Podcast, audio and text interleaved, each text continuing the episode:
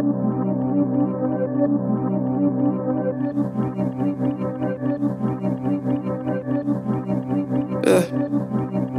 Yeah. Know you hate the big noise, but boy, I've been bored. Keep calling my phone, shit dead like a corpse. Corpse, corpse. Broke his heart night. Sore, sore. Change the locks on the door. Another one. I'm need a boo when it's summer done. Need a fine brother like my mother's son. Blah blah dun dun dun dun dun. Had a few in the past, but them boys ain't last. Where them boys with the cash? X did if you ask me.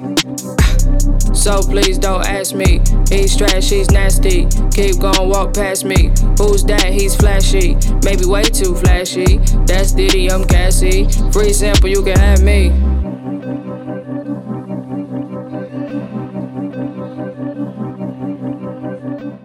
Bon dia, em dic Adrià i us dono de nou la benvinguda a totes i tots els membres d'aquesta petita però cohesionada parròquia que és Detritus Argumental. En la litúrgia d'avui em saltaré el sermó habitual perquè vinc en plan Bat Spencer i vull passar directament a la part on es reparteixen les hòsties. Si us heu fixat, a la introducció no ha sonat tot rungren com de costum, sinó que he triat a Tierra Wack per obrir el programa, i és que avui us vull parlar del camp de naps blancs que són els mitjans de comunicació musicals. I és clar, ja que jo mateix sóc un tio blanc i no em puc canviar, doncs el mínim que puc fer és donar-li més veu que mai a artistes doncs, de col·lectius menys privilegiats. Cada normal ja ho procuro, però avui més encara. I res, amb aquestes començo calentant l'espatlla i estenent la palma de la mà perquè la primera cleca d'avui és per... Turbo 3 i Julio Ródenas de Radio 3. Per ser un programa ranci com ell sol. Ale, mireu, va haver-hi una bona temporada en la que tornava de la feina amb un cotxe que em deixava l'empresa on estava treballant llavors. Com que el cotxe ja tenia uns anyets i no comptava amb connexió USB i ni per descomptat amb Bluetooth, si el que jo volia era escoltar música, havia de sintonitzar la ràdio sí o sí. I jo, com a bon cultureta wannabe que sóc, doncs sintonitzava Ràdio 3. Eres lo que escuchas, proclama reiteradament el seu eslògan, així com posant-se la medalla de sibarita musical que només mereix l'aristocràcia cultural a la que ells, per descomptat, pertanyen. És clar, jo cada tarda feia córrer el dial fins a trobar Radio 3, perquè el que volia era estar sa i estalvi dels Pablos Alborans i Maroon 5 que deuen sonar a los 40 principales. I així de pas, doncs, sentir-me una mica part d'aquesta aristocràcia melòmana. Per què mentir?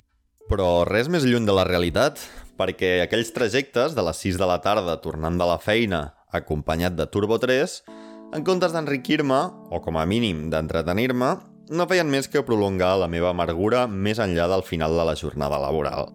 Mentre que el que jo buscava era escoltar una mica de música alternativa, el que Turbo 3 m'escopia de tornada era una hora de discriminació sexista i racista a base de música rància en forma de rock suat i indie caducat. Tota l'estona sonant o Lori Meyers o Kings of Leon, Foo Fighters o grups dels mitjans dels 2000 que comencen per D o parlant d'una possible reunió d'oasis que no em podria interessar menys. No sé si veieu el patró, però si no el veieu ja us el dic jo. A Turbo 3 només hi sonen tios blancs que toquen la guitarra elèctrica. És que si existís un grup que es digués The White Dicks, sonaria a cada programa de Turbo 3. Mireu, no tinc res en contra del rock i no vull que ningú se senti malament per escoltar aquest tipus de grups. Però si la teva dieta musical no se surt ni una mica d'aquest espectre, és igual de descompensat que alimentar-se només a base de ganxitos i de pizza congelada. I Turbo 3 té aquest problema. Però és que sobre el Julio Ródenas, que és el presentador, va de gourmet el tio. Es pensa que té 3 estrelles Michelin i en realitat no arriba ni a Papa John's. Però és clar, com a resposta a aquesta crítica, algú em podria dir Adrià, que no t'agradi la música que posen a Turbo 3 no és culpa seva. L'art és subjectiu. A veure, el meu point aquí no és només que la música que posen és cutre, que això es podria discutir, sinó que el patró racista i sexista que forma la música de Turbo 3 passa per sobre de la presumpció de subjectivitat i converteixen el programa en objectivament dolent i directament ofensiu. I per demostrar lo ranci, que és Turbo 3, he volgut comprovar amb números si tinc raó o si, pel contrari, estic caçant mosques. Ara us explicaré què n'he tret de la meva humil investigació, però abans posem un canyonazo, com diria el propi Julio Rodenas. En aquest cas és Slater Kinney amb Jumpers, més que res perquè vegin a Turbo 3 que les dones també en saben de tocar la guitarra elèctrica.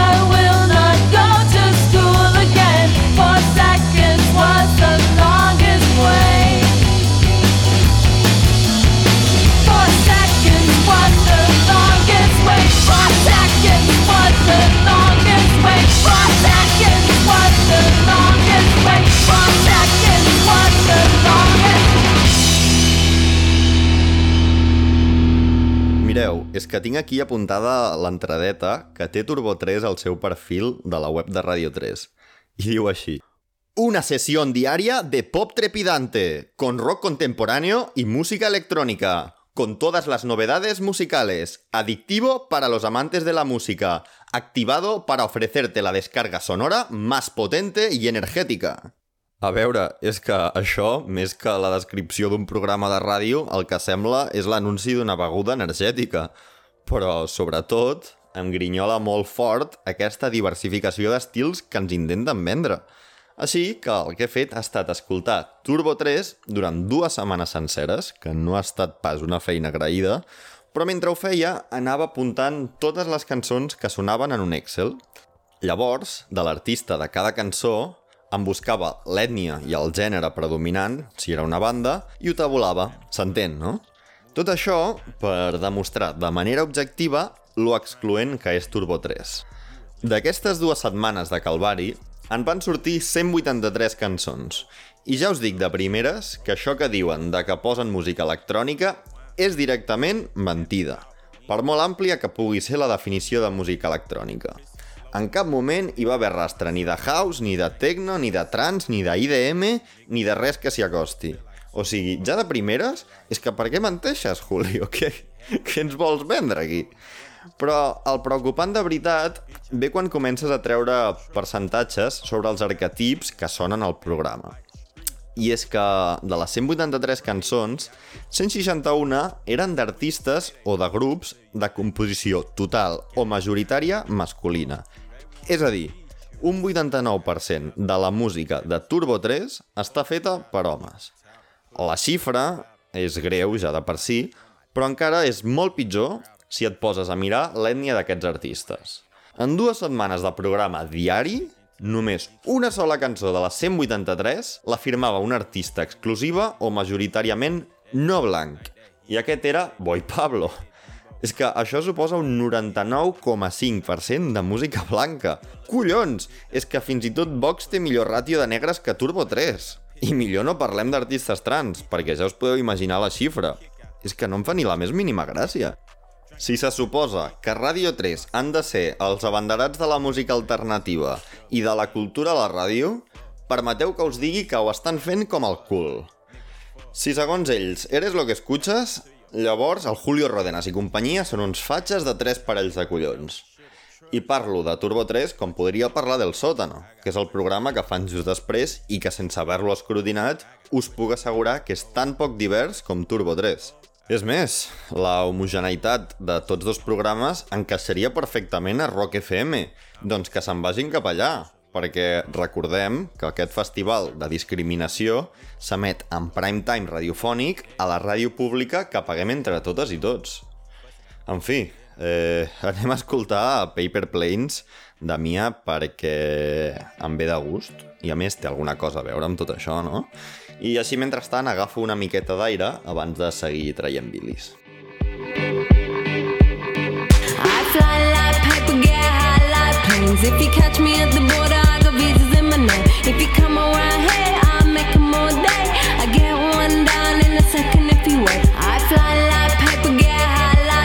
like. If you catch me at the border, I got visas in my name. If you come around here, I'll make them all day. I get one down in a second if you wait. Sometimes I think sitting on trains. Every step I get to,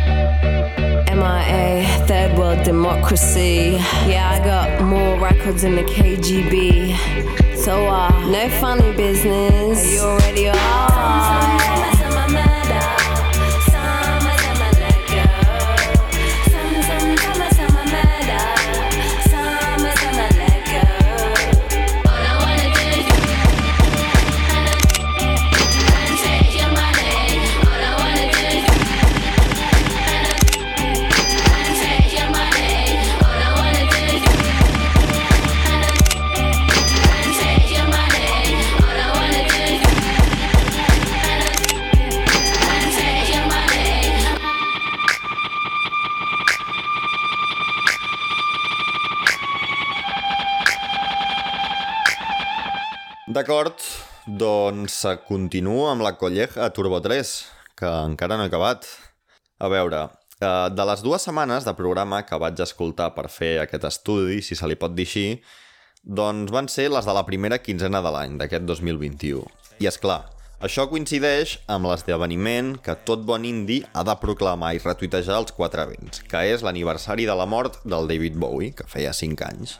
Eh, a Turbo 3, com a bons alternatius de pastitxe, li van fer un programa monogràfic, que em sembla fantàstic, perquè el David Bowie és un Hall of Famer de la música popular i un dels artistes més influents dels últims 50 anys, això no t'ho negarà ningú. Però de nou, aquí el problema no és de qui fas el monogràfic, sinó de qui no el fas.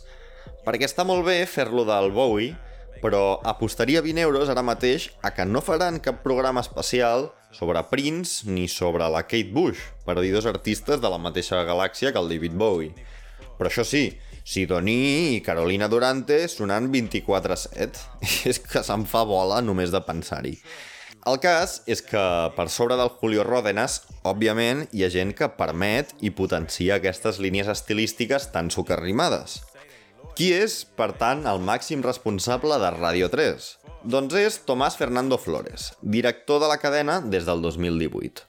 Us explico un parell de coses sobre ell perquè aquí és el seu. Mireu, Víctor Lenore, que és un dels periodistes musicals més respectables d'Espanya, va escriure un article brutal, El Confidencial, en relació al nomenament de Flores com a director de Ràdio 3. Com que sé que fa mandra anar a llegir-se l'article, us el resumejo perquè entengueu de quina cama coixeja el senyor Flores. El que s'explica en l'article, a través del testimoni de diversos locutors i crítics de renom, és que Flores, tot i no tenir suficient bagatge musical, va ser endollat a la cadena als anys 80 pels hereus de l'aparell franquista. Coincidència o no, el pare de Flores ocupava un càrrec molt important al Departament de Recursos Humans de la Immobiliària que després passaria a ser ACS. Sí, la del Florentino Pérez. De totes maneres, per entendre el perfil del director de Radio 3, no hi ha res millor que llegir les opinions d'excompanys seus. Diego Manrique, un dels crítics musicals més prestigiosos del país, diu sobre Flores. Moncloa vuelve a equivocarse. Tomás Fernando Flores entró en Radio 3 como recomendado del aparato franquista. Lo vi, estaba allí.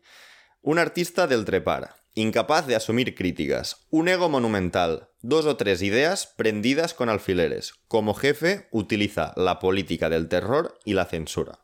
No hace falta decir nada más, no? Ara s'entén una mica millor l'encarcarament de Radio 3. A més, a l'article es detallen diversos casos de censura directa per part de Flores, com per exemple una entrevista amb Los Chicos del Maíz que ell mateix va enterrar. He de dir que Los Chicos del Maíz són una mica massa corni pel meu gust, valgui la redundància, però escoltarem una cançó seva que em fa força gràcia i que precisament tracta la censura de Radio 3. Això és No somos indies con flequillo, pero también tenemos derecho a sonar en Radio 3. Aprovecha la entrada, en mi bolo baila poco, disfruta la fiesta. Somos el Nega y el Tony, joder, no robe Iniesta. Tengo una orquesta, ríos, propaganda, protesta. Y un bate con pinchos para el culo de Salva Ballesta. Vergüenza ajena, me refiero a Pedro Sánchez alias Ken, en el hormiguero. De los chicos del maíz, viva Lumbreiras. Que le den a la arena y al FIB. DJs que no mezclan me hacen echar la bilis. Del Piqueta y Aoki, los nuevos mil y Vanilis. Yo solo escribo hits, soy decisivo. Te marco un hat-trick y con golazos en cada partido. Sin amigos en los medios no eres nada. Por eso, mundo sonoro, nunca nos pondrán portada. Es lo que hay, me importa una mierda. Si soy portada será por disparar a Maruenda. Entro en la lista de ventas sin sonar en los 40 y sin colaborar con mierdas como Lofos Lesbian. Thank you. La vida no es un anuncio de DAM, no todo es gente guapa llena de felicidad. La vida es imperfección y dolor y no para todos siempre sale el sol, chipirón y un mojón. Sal a la calle y tira la tele, la realidad es muy distinta aunque a veces duele. Y dile a esos niños de papá que nuestra dignidad vale más que todos sus bienes. Tú tienes pelas, yo fieles, tu grupillo rehenes, tú cuentas miles, yo fieles de amigos, no de papeles. Me da igual que caviar cenes o que tengas mil mujeres, yo soy feliz en mi frente y con la gente que me quiere. Yo que he perdido mil trenes y he dormido en los andenes Que he perdido pasta para hacer el rack que más me llene ¿Qué vas a contarme si he sudado fango y sangre? Tú tendrás la radio, yo a la calle de mi parte Molt bé. Ara que ja tenim clar que Ràdio 3 és moralment corrupta, potser caldria preguntar-nos si també cometem els mateixos pecats a casa nostra. Perquè si Ràdio 3 se suposa que ocupa el nínxol de música cultureta a Espanya, l'equivalent català ve a ser ICAT, la ràdio inquieta. Doncs anem a veure si, a diferència de Ràdio 3, són suficientment inquiets com per expulsar-se la caspa de les espatlles. A veure, en línies generals, jo crec que ICAT hi ha la intenció d'adaptar-se a la diversitat musical d'avui dia i realment no hi ha cap programa en tota la cadena que sigui tan esgarrifós com Turbo 3 o El Sótano. Ara bé, si mirem la programació que fan entre setmana, veiem un patró un tant sospitós a la graella. I és que des de les 6 de la tarda fins pràcticament mitjanit, tots els programes estan presentats exclusivament per tios blancs de 40 anys cap amunt. Ni més ni menys que 5 programes consecutius cada dia on no se sent la veu de cap dona, ni de cap persona de color, ni de cap jove, que també és un col·lectiu marginal. Des del meu punt de vista, el programa més propens a caure en la monotonia excloent del rock és El cel obert, presentat pel Lluís Gavaldà, el cantant dels Pets. De totes maneres, el seu cas no és ni de bon tros tan greu com el del Julio Ródenas, i la seva llista del millor de l'any era decentment diversa, però vaja, tampoc sense passar-nos. Per una altra banda, han estrenat recentment un programa que es diu El Fotimer, en el qual es dedica cada episodi sencer a fer un monogràfic sobre un àlbum cèlebre de la història. I precisament és el Fotimer el programa que més em preocupa de tot i cat. De moment, tan sols porten tres programes i els àlbums dels quals ha parlat el presentador Alex Torio han estat Zuma de Neil Young, Hanky Dory de David Bowie, una altra vegada, i The Bands de Radiohead. 3 de 3 de tios blancs amb guitarres... Hòstia, el loro. Jo crec que, precisament, si el que volem és apel·lar a un públic més jove, l'últim que necessitem és l'enèsima dosi de Dead Rock, no? A veure, que aquesta música és bona i tot el que es vulgui, però de nou, el problema és que està tallada amb el mateix patró de sempre. Potser hauríem d'anar pensant en trencar el monopoli boomer a la ràdio i incloure-hi generacions més joves, que potser, no ho sé, diversificarien el panorama de la comunicació musical. Un bon exemple per entendre això és el següent clip d'Independents, el programa d'ICAT que competeix amb Turbo 3 a les 6 de la tarda. I ara, Say You Love Me, que és un disc que han fet uh, juntament uh, Chris Brown i Young Thug.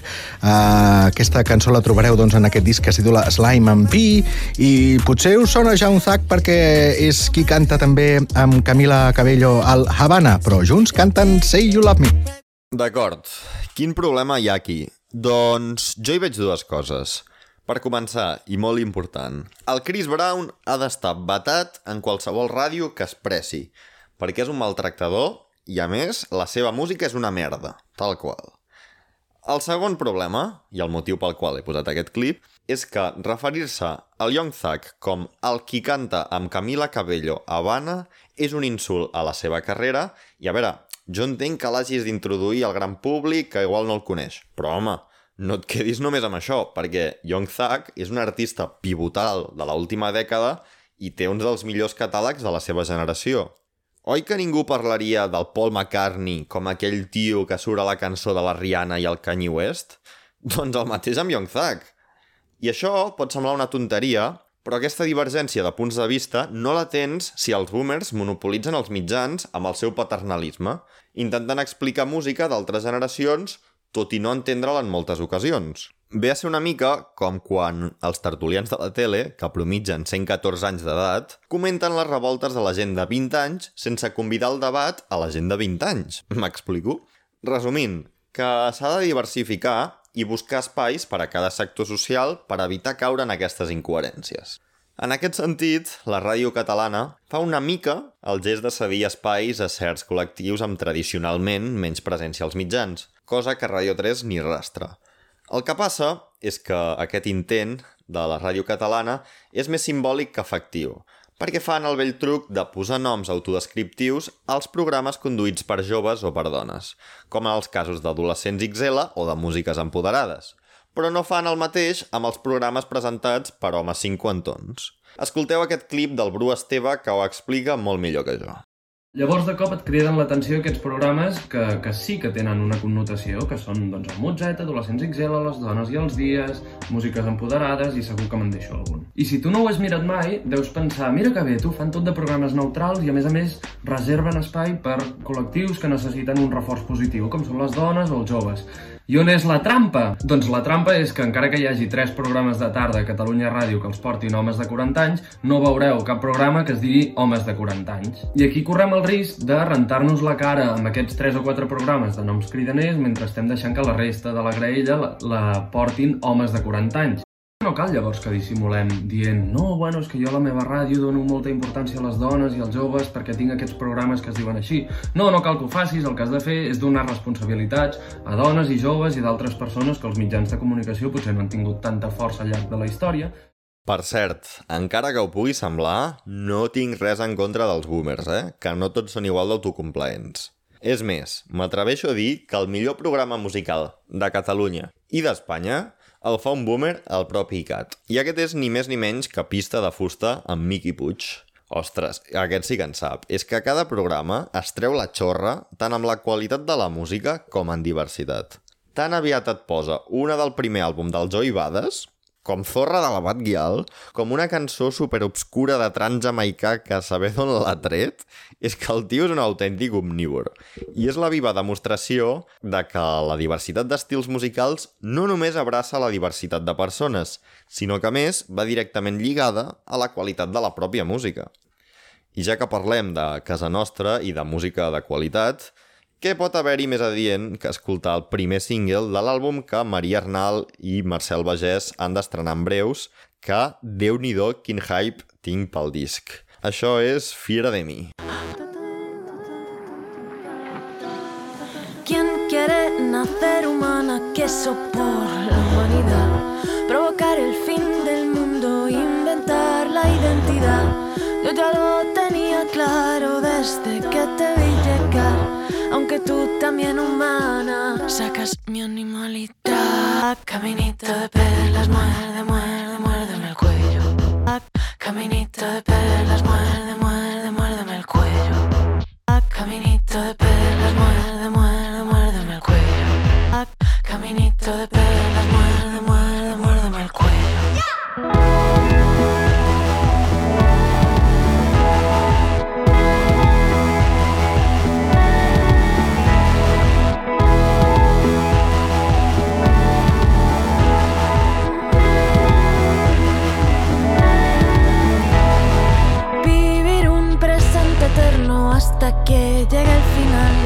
Mis garras y tus garras en gemido gutural.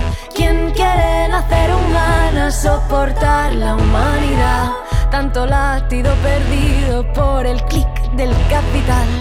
Díselo a las afectadas por la mano occidental y a los secretos muertos de ese cosmos ancestral y las lágrimas en flamas de la bruja medieval marcas que se pierden sin parar. Caminito de perlas, muerde, muerde, muérdeme el cuello. Caminito de perlas, muerde, muerde, muérdeme el cuello. Caminito de perlas, muerde, muerde, muérdeme el cuello. Caminito de perlas.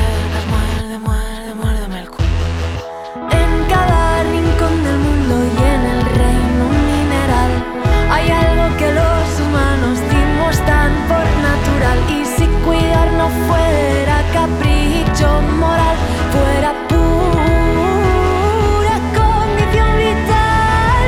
Ah, Caminito de perlas, muerde, muerde, muérdeme el cuello. Ah, Caminito de perlas, muerde, muerde, muérdeme el cuello. Ah, Caminito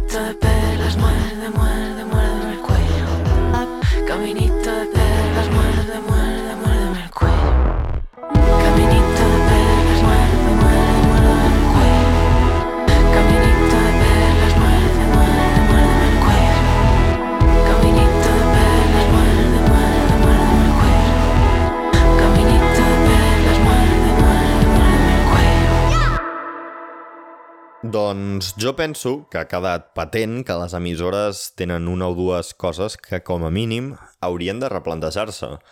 Però no em vull quedar només amb els problemes de la ràdio, perquè, òbviament, a la indústria musical hi ha altres organismes igual d'erràtics. I, a més, jo encara tinc corda per estona. Ai, els festivals, com els trobem a faltar, oi? Aquests oasis enmig del desert de monotonia que és la rutina, bombolles adonistes repletes d'estímuls constants, el mercat de Santa Llúcia dels melòmens, que en dic jo.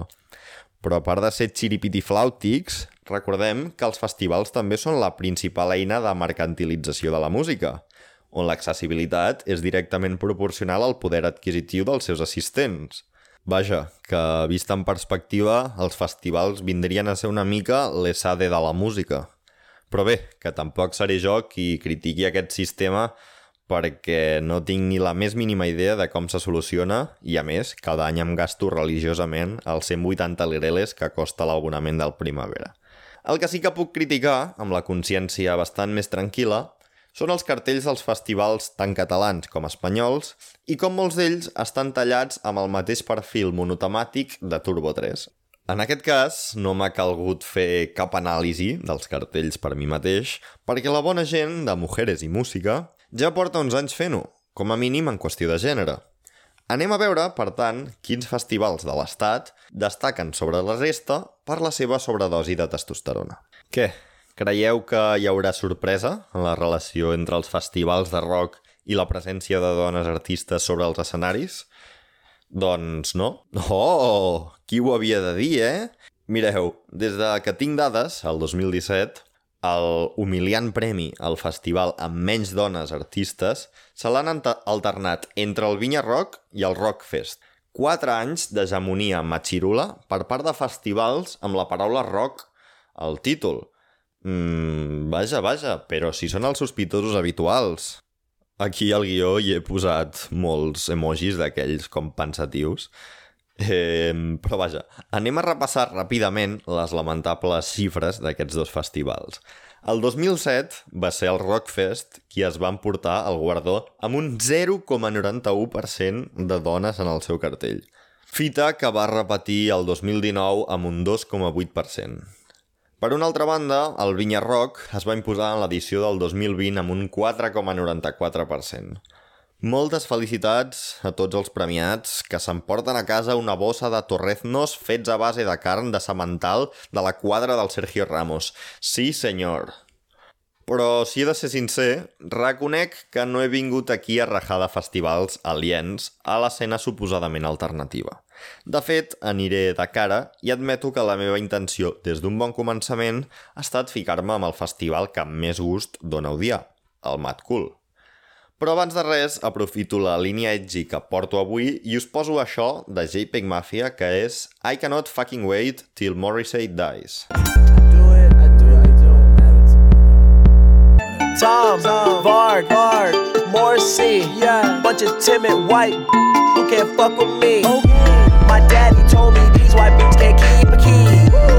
Fifth in his face, got him singing C. Never mind, you're me. Okay, fuck a Johnny Rotten, I want Lil B. Fuck you niggas talking, this a killing spree. Pull up on a cracker, bumping Lil P. God, God damn, holy shit.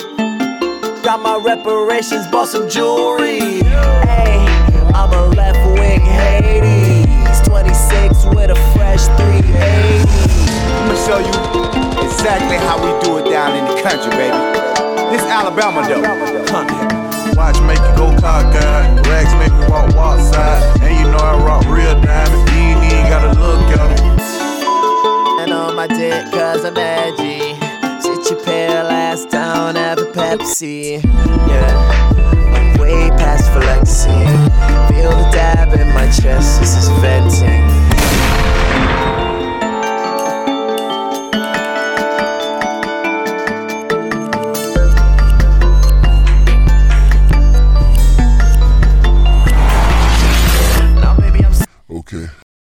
Va, que tot just havia començat a parlar del Mad Cool i qui em conegui sap que és un dels meus temes preferits de conversa, de monòleg en aquest cas, i directes al gra.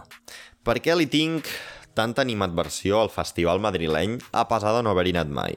Doncs principalment perquè és un intent patètic de rivalitzar amb el Primavera Sound. És patètic perquè, mentre que el Primavera porta 20 anys evolucionant a través d'una línia única i molt ben treballada, el Mad Cool es presenta directament com un macrofestival des de la seva primera edició al 2016. Així, del no-res. Imagina que et montes un festival amb els col·legues i portes a The Who i a Neil Young el primer dia. No us olora una mica cremat? A mi m'agradaria molt saber qui va posar els milions per muntar aquest circ, perquè els festivals de generació espontània doncs em fan arrufar una mica el nas. No em vull posar polític ara, però el Mad Cool vindria a ser l'equivalent musical a les aspiracions olímpiques que Madrid mai no ha aconseguit satisfer. O per posar un altre exemple, la sobtada injecció de pasta que li han fet a l'equip femení de futbol del Real Madrid, en vistes de discutir l'hegemonia blaugrana. Però tornem a la música, perquè el Mad Cool tampoc és innocent si del que parlem és d'elitisme rocker.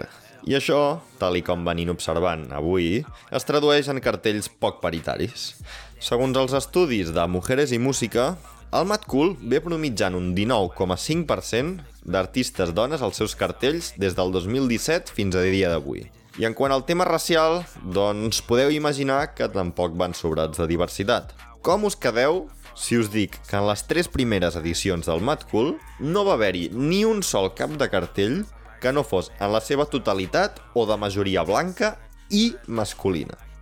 Neil Young, The Who, The Prodigy, Tudor Cinema Club, Vetusta Morla, Jane's Addiction, Foo Fighters, Fouls, Bell and Sebastian, The Luminers, Al J, Ryan Adams, Rancid, Kodaline, Royce Cobb, Kings of Leon, Wilco, Foster the People, Moderat, Pearl Jam, Tame Impala, Casabia, Justice, Fleet Foxes, MGMT, Jack White, Franz Ferdinand, Snow Patrol, Alice in Chains, Depeche Mode, Queens of the Stone Age, Nine Inch Nails, Jack Johnson, Richie Houghton, Close and Mogman.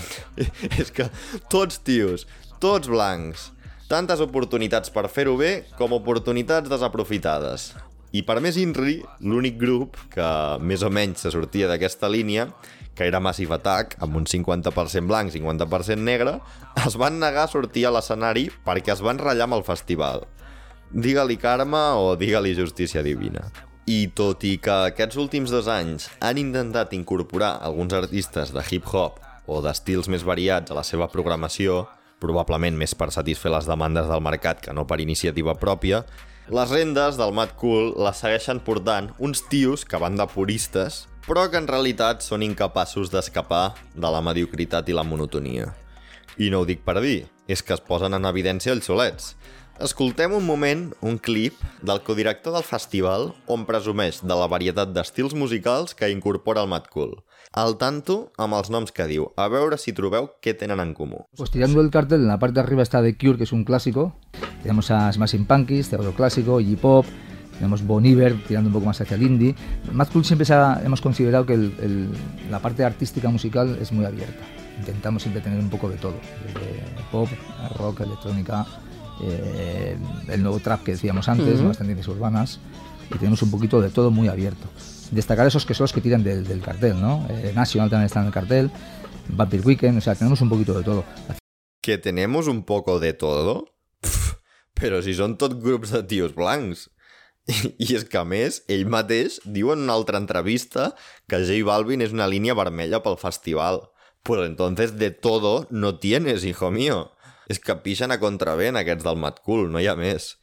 Però, vaja, ja n'hi ha prou del Mad Cool, de, de parlar d'aquesta gent, i tornem a Barcelona perquè els nostres festivals tampoc és que estiguin lliure de pecats. El cartell del Sonar, per exemple, es mou sempre en la franja d'entre el 20 i el 30% d'artistes femenines. Xifres que li han valgut per mantenir-se estable en el top 5 de festivals més paritaris d'Espanya durant els últims anys. Sé el que esteu pensant, en efecte, la competició no és gaire ferotge. Per una altra banda, el Primavera ha tingut una trajectòria més mogudeta.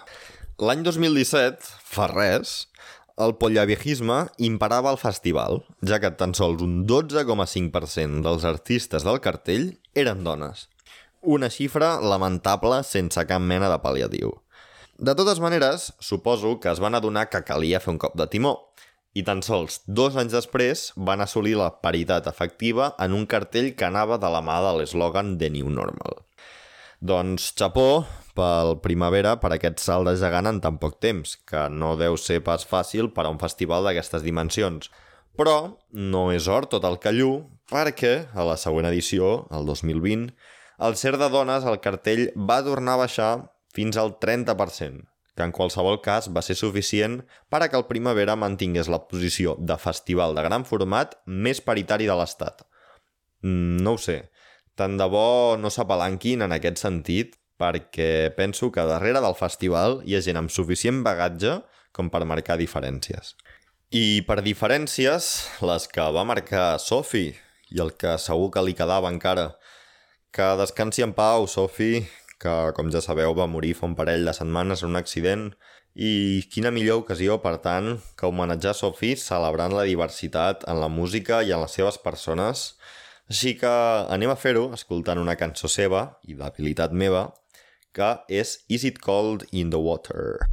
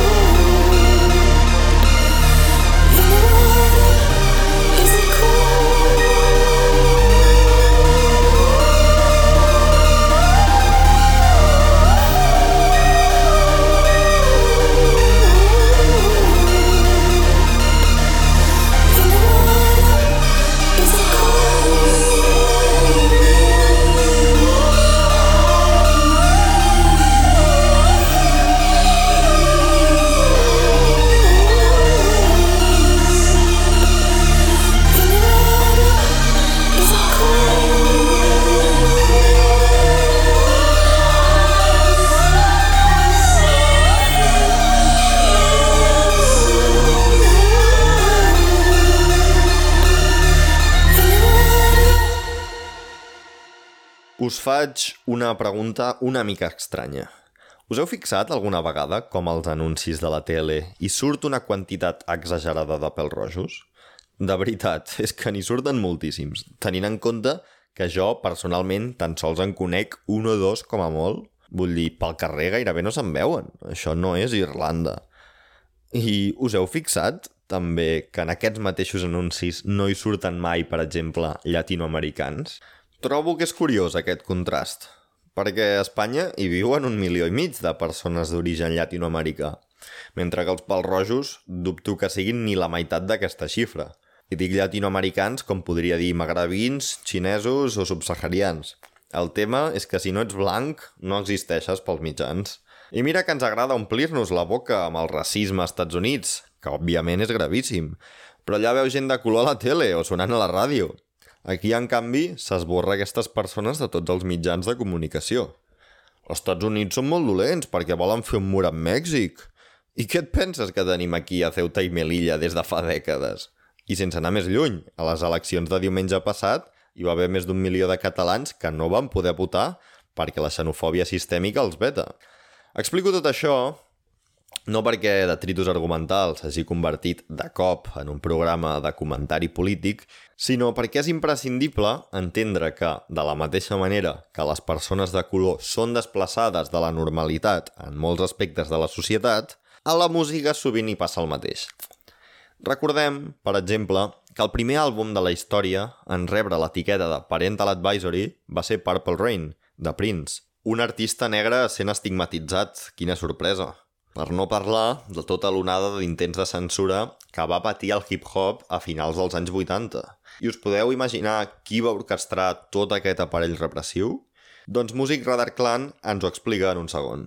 Esto nace cuando en los 80 había un grupo conservador de padres que se llamaba Padres para la Música y otros medios, que estaba formado por algunas senadoras americanas, pero también sobre todo por mujeres e importantes políticos de Estados Unidos, por ejemplo la mujer de Al Gore y quisieron hacer un acuerdo con el gobierno para prohibir eh, su radiodifusión y sobre todo para fomentar la censura y la no distribución de ese tipo de material.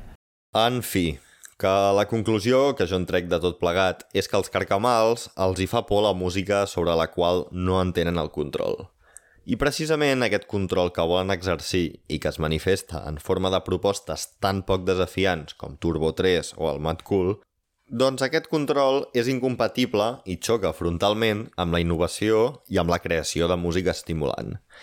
Escolteu, és que no sé si som prou conscients que un percentatge altíssim de gèneres musicals tenen orígens negres. El jazz, el soul, l'R&B, el funk, el reggae, el hip-hop, el techno, el house, inclús el rock que ara es fa servir com a sedant cultural. I tots aquests gèneres s'han creat al marge d'elits eh, econòmiques i socials. Per tant, és evident que les minories tenen la capacitat d'expandir enormement el llegat musical de la humanitat i de l'art en general. Us podeu imaginar tota la música que no existeix només perquè, en comptes de potenciar aquesta riquesa, s'ha optat per seguir discursos rancis? I el mateix dic de les artistes femenines. Així que, per no haver de repetir aquest discurs una altra vegada, diré noms d'artistes totes elles fantàstiques durant un minut sencer a veure si així agafem una mica de consciència de l'abundància cultural que tan sovint es menysprea. Björk, Kate Bush, Billie Holiday, Johnny Mitchell, Natalia Lafourcade, Grimes, Nico, Mitski, Ava, Mia, Julia Holter, Alice Coltrane, Patti LaBelle, Aliyah, PJ Harvey, Lorde, Megan Thee Stallion, No Name, Georgia Smith, Maria Arnal, La Rosalia, Lady Gaga, Kali Uchis, Phoebe Bridgers, Kim Deal, Charlie XCX, Arca, Rina Sawayama, Beth Gibbons, Miss Lauryn Hill, Rico Nasty, Solange, Peggy Goo, Missy Elliott, Sharon Van Etten, Warpaint, Mina, Waze Blood, Fiona Apple, Bad Gyal, Caroline Polacek, Deborah Harry, Brittany Howard, La Bien Querida, Cardi B, Yaeji, Slater Kinney, Victoria Legrand, Dolly Parton, Anna Torroja, Jessie Ware, Robin, Dusty Springfield, Karen Dalton, Adrian Lenker, Kim Gordon, Elizabeth Fraser, Madonna, Stevie Nicks, Britney Spears, Joanna Newsom, Isa Thea, Cat Power, Amy Winehouse, Little Sims, Angel Olsen, FK Twix, Carly Rae Jepsen, Janelle Monae, Nina Simone, Laura Marling, Erika Badu, San Vincent, Cariño, Fiber Rey, Aretha Franklin, Sky Ferreira, Silvia Pérez Cruz, Sisa i les que m'estaré deixant.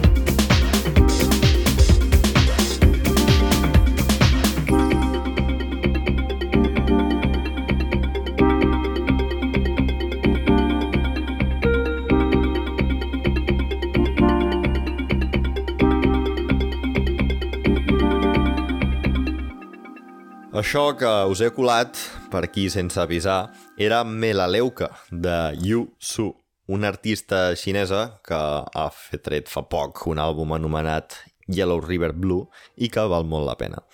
Però tornant al tema, i ja vaig acabant, crec que és important comentar que jo no sóc, ni molt menys, el primer en tenir sensacions ni en fer raonaments d'aquest tipus.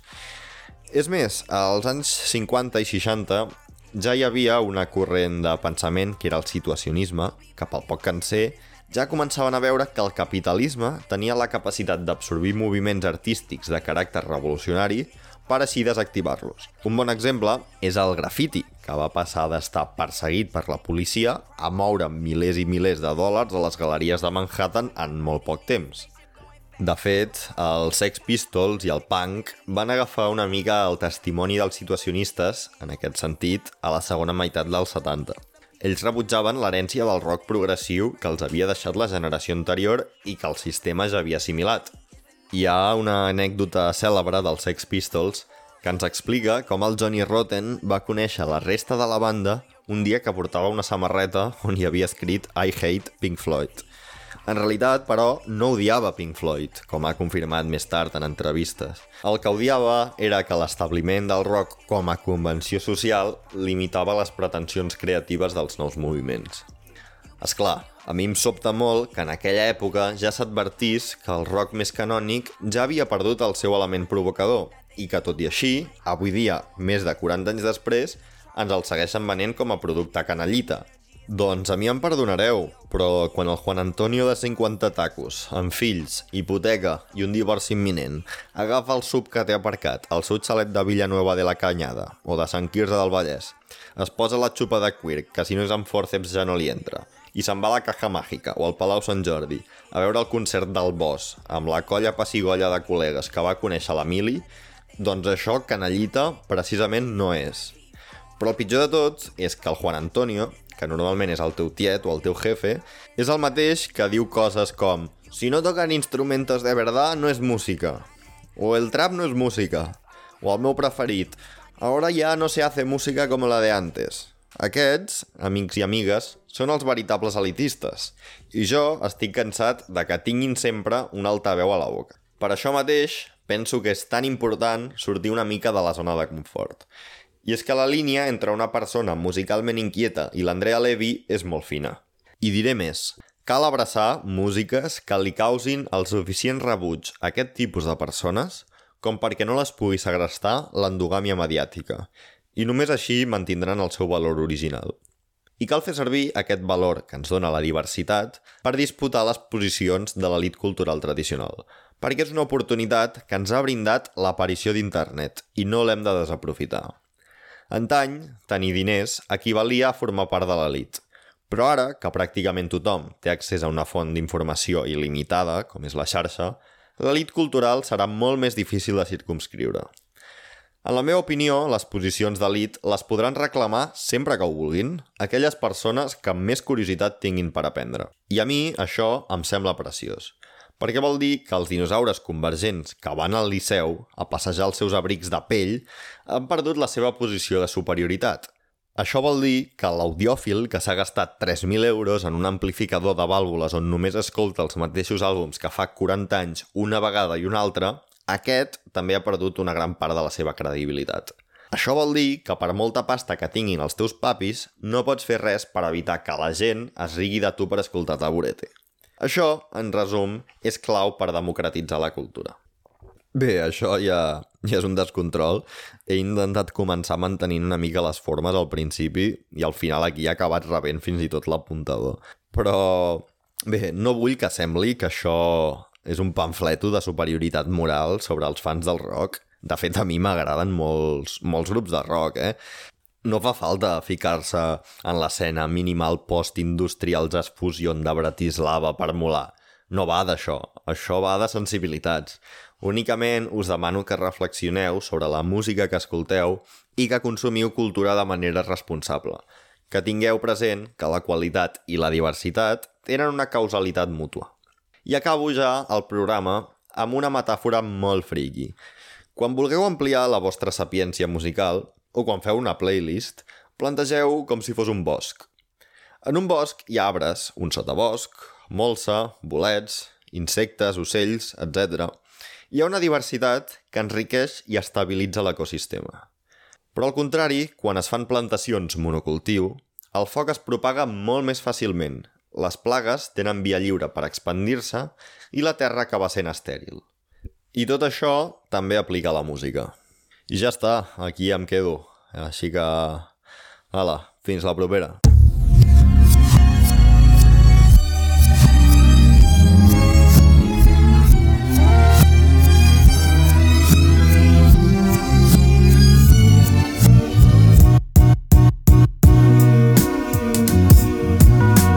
Check it, yo.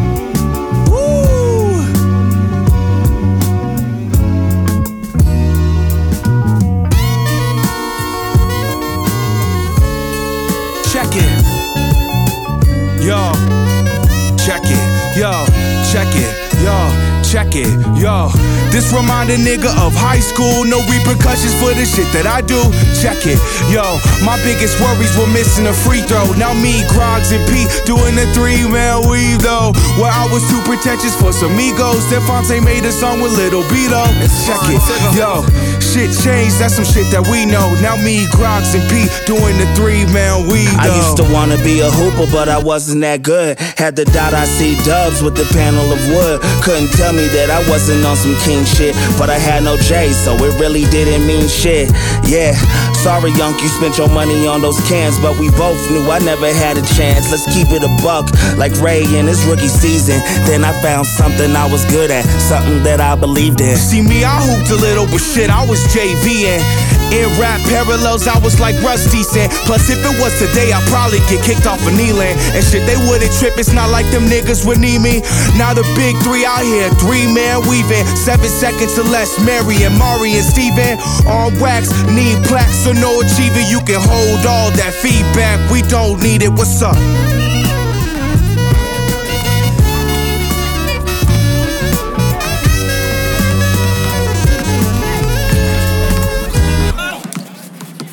This remind a nigga of high school. No repercussions for the shit that I do.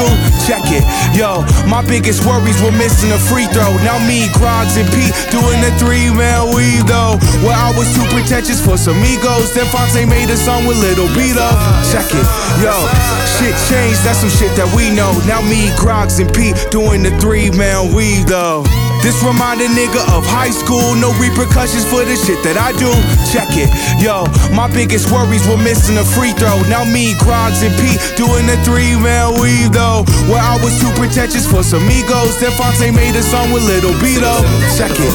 Yo, shit changed. That's some shit that we know. Now me, Grogs, and Pete doing the three man weave though. Face for your face.